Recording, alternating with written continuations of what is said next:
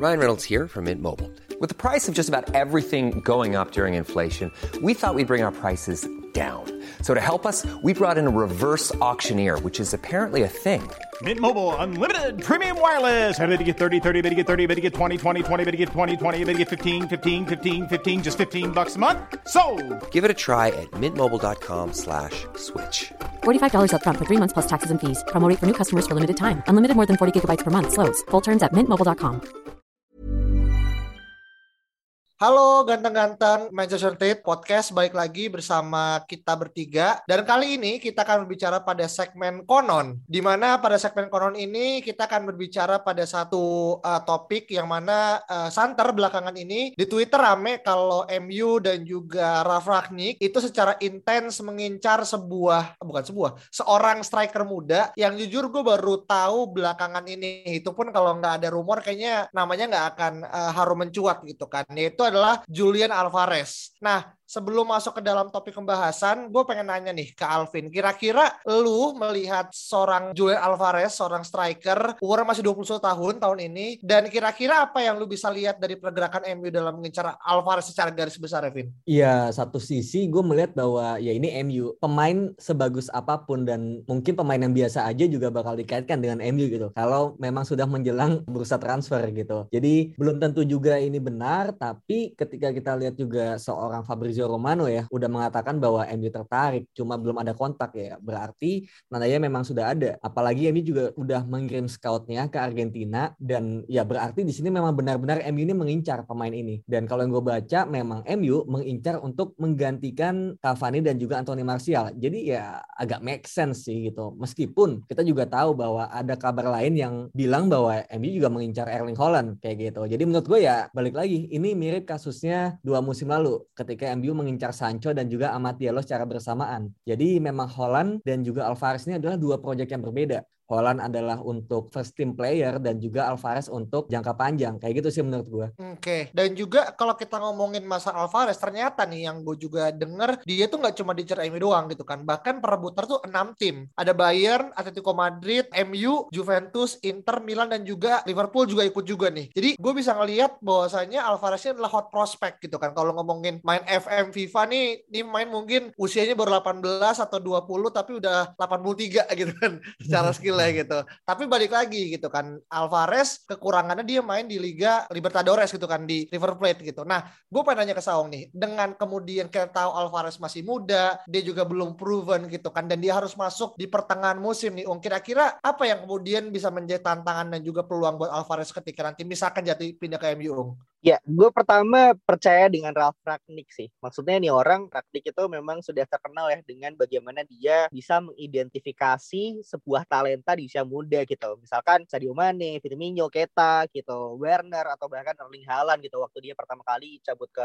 RB Salzburg gitu. Jadi kalau memang Ragnik menilai Julian Alvarez memang punya potensial gitu, yang which is dia memang punya gitu. Dia per, sekarang peringkat 91 dari 100 sepak bola terbaik gitu di tahun 2021 dan juga juga dengan 24 goal assist contributionnya gitu dalam cuma 17 start musim ini which is very impressive for 21 years old. I think sangat make sense sih kalau misalkan United memang tertarik dengan uh, hot prospect ini gitu. Mengingat siapa yang seperti Alvin bilang tadi gitu Anthony Martial mungkin sudah ditunjukkan pintu keluarnya memang sudah akan deal untuk pindah ke Sevilla gitu kan. Dan dengan Cavani yang santer juga katanya dia mau cabut ke Barcelona ini akan menjadi menarik sih gitu. Karena gue harapan gue ini kan pemain muda dari Argentina gitu kan which is Argentina sangat-sangat terkenal dengan top strikernya gitu. Ada Higuain ada Aguero gitu bahkan Lionel Messi gitu kan. Cuman gue harap dia bisa menjadi Aguero United sih men gitu.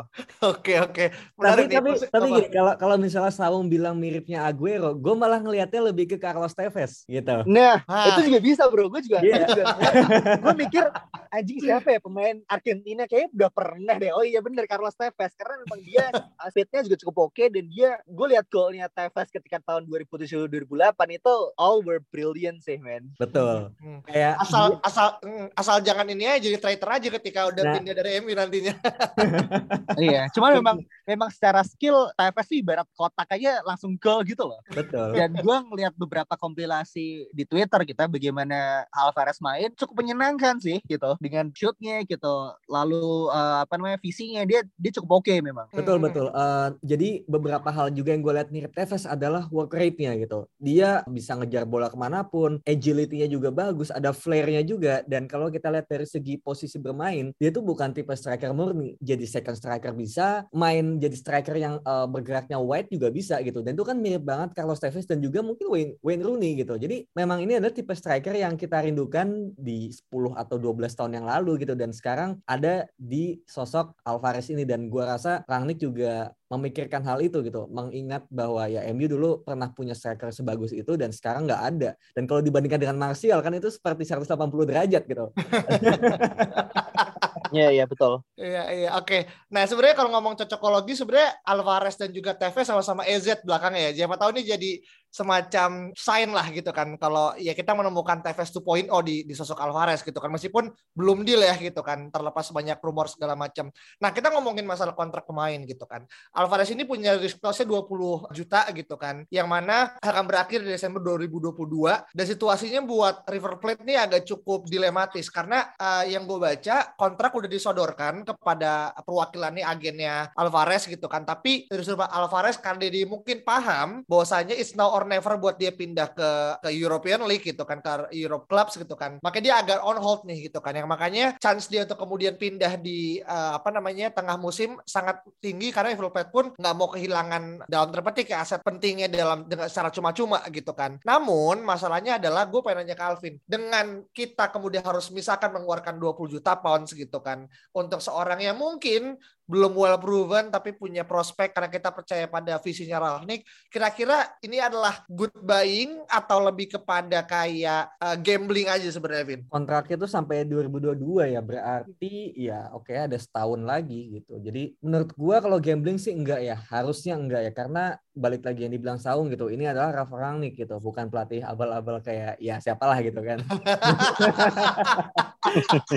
aduh, aduh, aduh. Ya, nggak cuma maksudnya gini. Gue melihat bahwa di sini siapa gitu, siapa yang nge-scout, siapa juga yang memilih pemain ini, siapa yang tertarik gitu. Dan balik lagi ketika diincar oleh Bayern, Barcelona, Juventus, Milan, Inter, tandanya ya ini bukan pemain kacangan gitu. Ini adalah seorang pemain yang punya potensi besar dan menurut gue best chance untuk mengambilnya ya benar-benar di Januari gitu. Dan gue rasa gue pinginnya ya meskipun MU mengeluarkan uang nanti untuk Alvarez di Januari 20 juta, ini juga tidak jangan sampai apa ya kayak mengganggu aktivitas transfer MU yang sebenarnya yaitu untuk Erling Haaland di bursa transfer summer gitu loh. Jadi gue nggak maunya nanti ngeluarin uang kayak buat Diallo, buat Pelistri, tapi ternyata nggak beli Sancho gitu loh. Gue pengennya, oke lu beli Alvarez, mungkin beli pemain lainnya gitu kan di Januari, meskipun sulit, tapi aktivitas transfer untuk first team player itu juga jangan sampai terganggu. Itu aja sih menurut gue.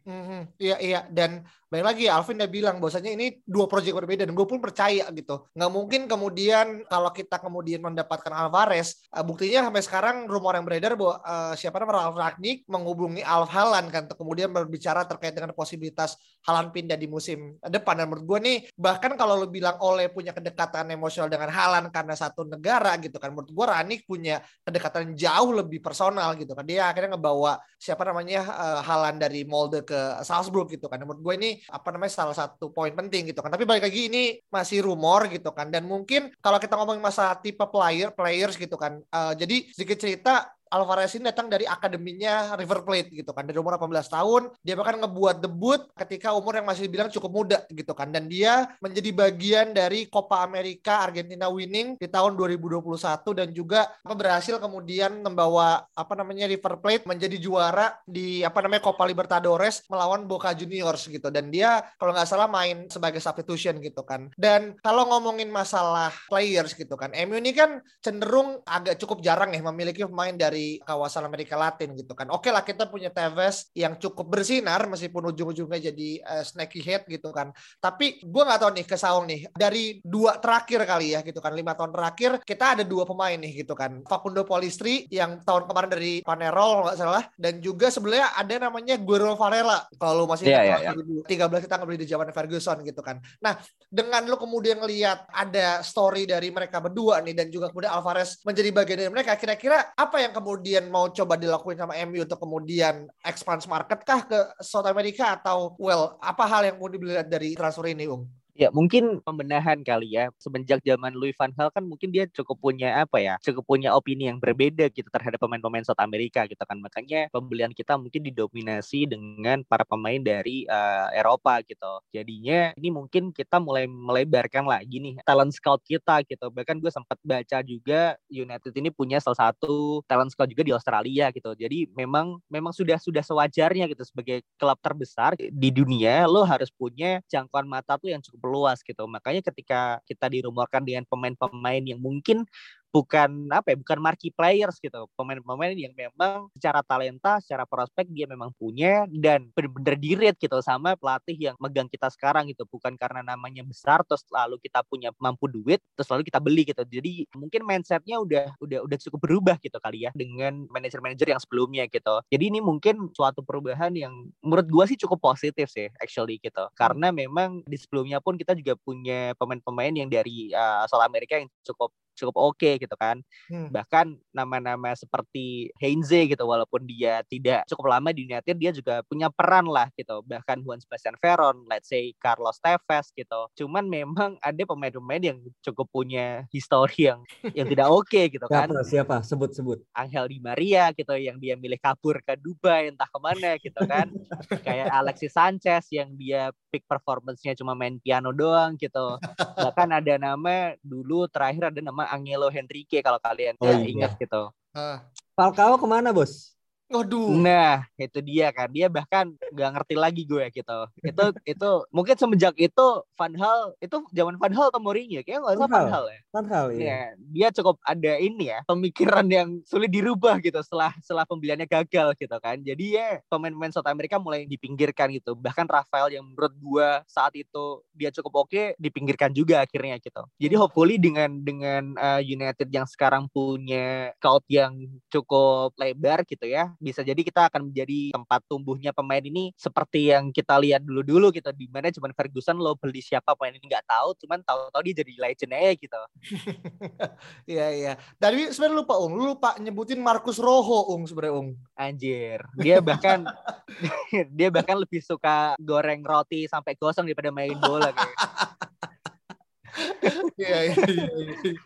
Dan, dan Rojo kan satu keluarga negaraan ya sama yeah, yeah, Alvarez kan. Jadi mungkin ada betul. apa Argentine connection. Gue nggak tahu lah apa yang terjadi gitu kan. Tapi bahkan Victor Valdes kan. Oh iya benar. Iya. Orang-orang pasti jarang ada yang inget kalau United tuh dulu pernah jadi tempatnya Victor Valdes gitu. Karena memang saking tidak remember banget ini. Iya iya iya iya. Dan menarik ya tadi Saung sempat bilang masalah uh, scout kita tuh udah mulai melebar apalagi Rahnik sebagai headnya gitu kan. Uh, dan gue percaya dia investing in youth bahkan tadi uh, tadi pagi gue baca komentator dia ya di, di ketika dia komentar masalah Hannibal Mebri agak sedikit melebar gitu kan tentang dia kan komentar kalau Hannibal punya potensi dan dia akan uh, kemudian diundang untuk kemudian reguler latihan gitu kan. Jadi menurut gue ini adalah salah satu uh, perpanjangan tangan lah untuk menancapkan visinya Rahnik dan juga terakhir kemarin gue baca uh, kita baru aja mengakuisisi satu orang cukup penting dari PSG yang nantinya akan ngebawa French untuk bisa masuk ke dalam akademinya MU gitu kan. Nah, ngomong-ngomong masalah friendship gitu kan, ada satu pemain lagi nih yang kemudian santer dikaitkan dengan uh, perpindahan uh, eh, MU gitu kan di bulan Januari gitu kan, yang mana semua orang udah paham gitu kan. Kalau nggak salah Fabrizio juga udah sempat nge-tweet juga yang namanya Bakar Kamara. Tapi sebelum gue lanjut, gue pengen nanya ke Alvin, lu menanggapi rumor Bakar Kamara di bulan Januari dengan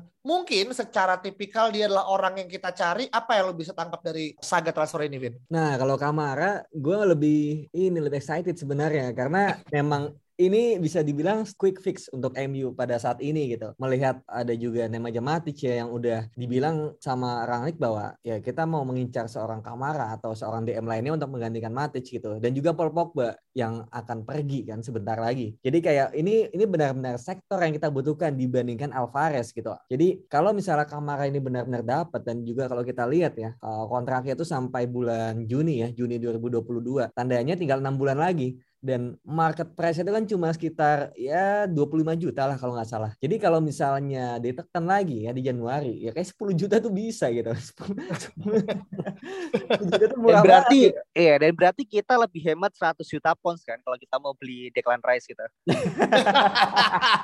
Aduh, which is duitnya bisa dipakai untuk beli Erling Haaland. ya iya iya iya. Ya kayak gitu gitu. Jadi jadi memang Kamara ini menurut gue um, prospeknya jauh lebih mudah gitu visible juga gitu dibandingkan Alvarez. Cuma memang pada akhirnya yang kita lihat kalau kita lihat di media juga ya bahwa ternyata Rangnick itu juga big admirernya Jude Bellingham dan juga Declan Rice yang bikin kita bingung. Kalau misalnya kita beli Kamara kemudian ada Fred, ada McTominay, kemudian lu mau beli Rice atau Bellingham lagi itu kayak too much aja gitu in the middle. Jadi kayak ya gue nggak tahu gitu pada akhirnya apakah Kamara ini adalah sosok yang dibutuhkan untuk saat ini atau Rangnick ini memilih untuk menunggu di bursa transfer summer kayak gitu sih. Itu itu, sebuah hal yang menurut gue ya cuma Rangnick dan Tuhan yang tahu dia maunya apa. Iya iya iya.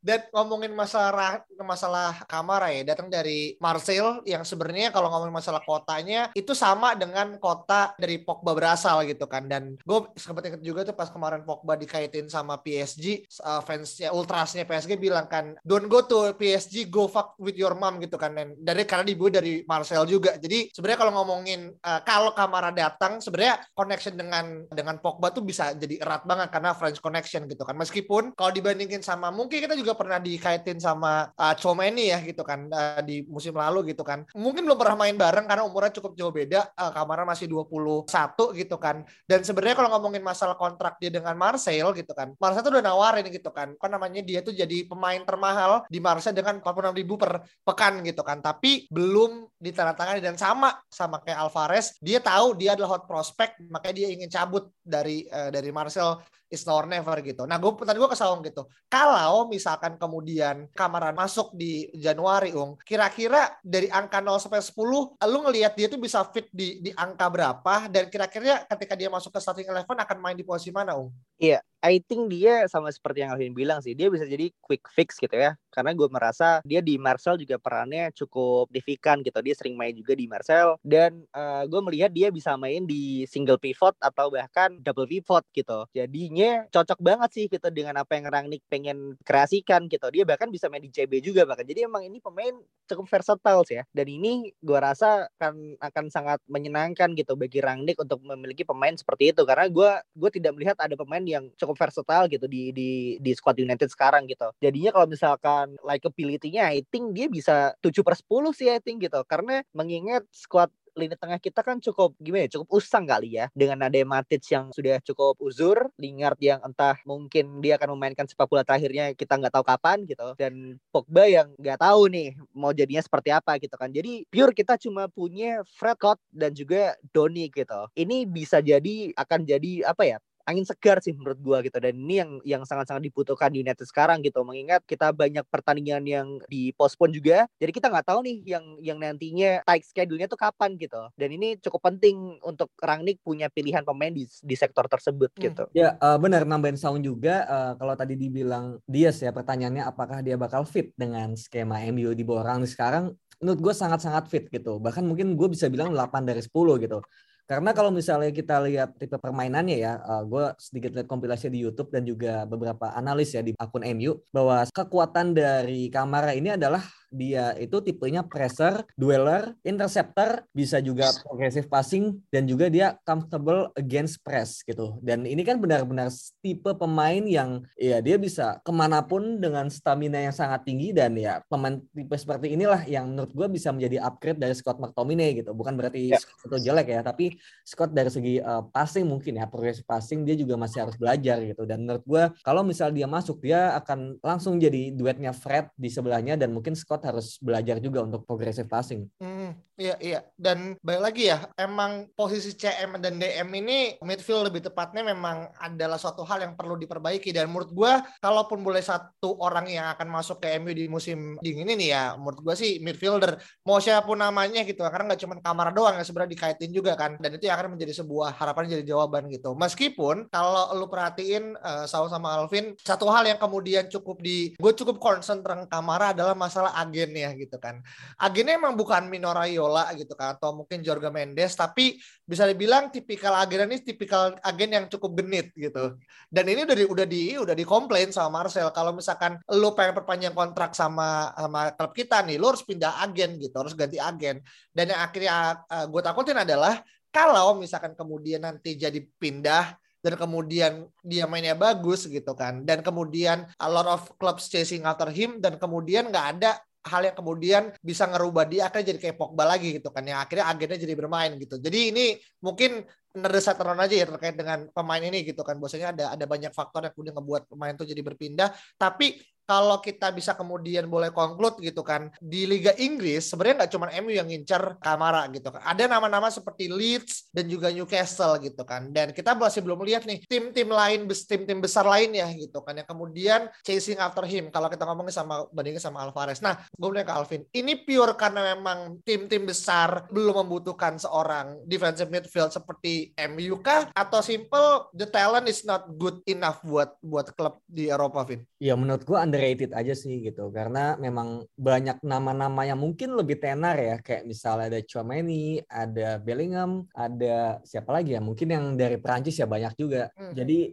Haidara dan juga Tyler Adams juga banyak diberitakan juga ya Santer mau ke MU gitu katanya staff pelatih kita siapa namanya Armas juga katanya suka yeah. gitu. Jadi kenapa kita nggak beli RB Leipzignya aja sekalian gitu kan? Bener.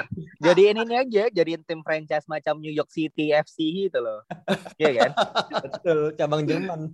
Cabang, cabang iya, cabang Jerman. Kalau Liverpool punya Southampton, kita punya Leipzig gitu, gitu kan? Iya. iya ya gitu dan dan juga ya seperti yang kita tahu juga ya bahwa kamar ini juga mungkin kalau gue baca dia menolak Wolves di deadline transfer awal musim dan kalau Newcastle ya baru-baru ini ya itu juga kamar menolak dan dia secara gamblang dia mengatakan bahwa dia ingin bermain untuk tim yang bermain di Champions League. Jadi menurut gue memang mungkin belum terendus aja gitu dan tim-tim besar lainnya lebih memilih pemain lainnya gitu instead of Kamara gitu. Tapi bukan berarti Kamara itu jelek gitu sih. Jadi menurut gue mungkin nanti menjelang bursa transfer Winter itu bakal lebih mencuat lagi nama-nama tim lain selain MU dan ya gue harap sih dengan sedikitnya pesaing ya yang ada untuk menjaga Kamara ya itu membuka jalan bagi MU sih untuk pada akhirnya leluasa mendapatkan dia sih. Mm -hmm. Iya, iya, iya. Jadi menurut lu nih emang simply karena emang pertama tim-tim masih cukup settle dengan midfield yang masing-masing. Yang kedua memang belum tentu saja berarti kan talentnya. Iya, oh, iya, dan juga ini sebenarnya ada AC Milan. AC Milan itu juga incar untuk menggantikan Frank Casey yang hmm. kayaknya akhir musim ini juga gitu. Dan iya, iya. mungkin pada hari kita malah bingung kenapa kita nggak ambil Casey aja gitu sekalian.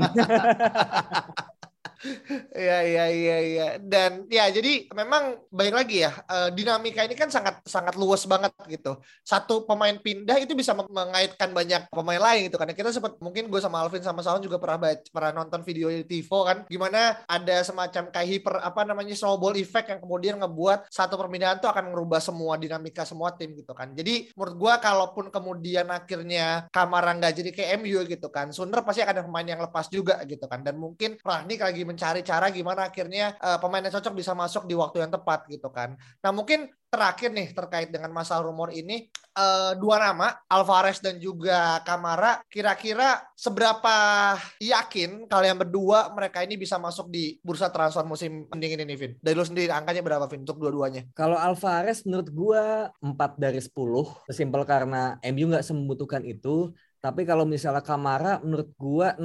Oke. Okay. Di bawah 7 tetap. Cuma ya karena kita juga lihat dari Fabrizio bahwa the plan itu ya di bursa transfer summer ya, bukan di winter. Jadi kayak it's difficult market tapi it's not impossible. Oke. Okay. Dari lu bro? Ya, gue merasa Alvarez lebih sulit ya daripada Abu Bakar Kamara gitu karena memang dia lebih banyak diminati uh, gitu oleh beberapa klub lain dan nama-nama klub lainnya itu cukup besar gitu ya. Bahkan ada Madrid ada Juve ada Barca ada Bayern ada Atletico Liverpool gitu. Jadi memang ini akan menjadi bisa jadi akan jadi saga yang cukup panjang gitu untuk untuk Julian Alvarez gitu. Jadi gue merasa 3 per 10 sih I, I think gitu. Cuman untuk Abu Bakar Kamara dengan melihat saingan kita yang mungkin cukup mediocre gitu ya ada Leeds ada Newcastle dan mungkin seperti yang Alvin bilang gitu dia cukup underrated dan ini adalah salah satu posisi yang kita butuh gitu ya daripada posisi uh, striker. Gue rasa 7 per 10 sih men gitu. Hmm. gue cukup cukup optimis. Sekarang gue yakin Port United itu pasti punya punya dana gitu untuk untuk Rangnick coba spend di di di bursa transfer musim dingin ini. Iya iya iya. Dan tadi gue expect kalau misalkan Alvin jawabnya rendah lu coba tinggi tapi ternyata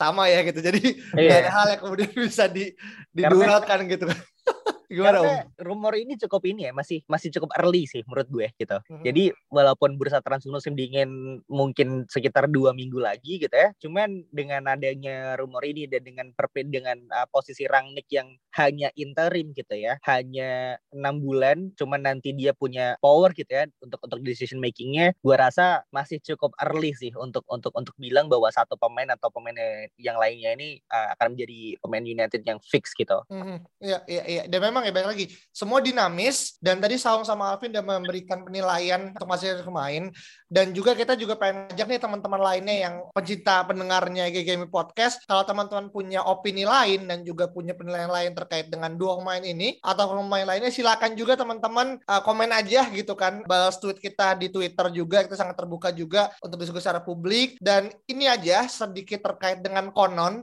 Saksikan dan juga tungguin konon-konon lainnya. Siapa tahu besok MU dikaitkan sama Wesley Snyder lagi itu kan. Tiba-tiba dia apa namanya bangkit dari masa retirement kita nggak pernah tahu gitu kan. Dan sampai sini aja thank you so much dan sampai jumpa di pertemuan berikutnya. Bye bye Even when we're on a budget we still deserve nice things.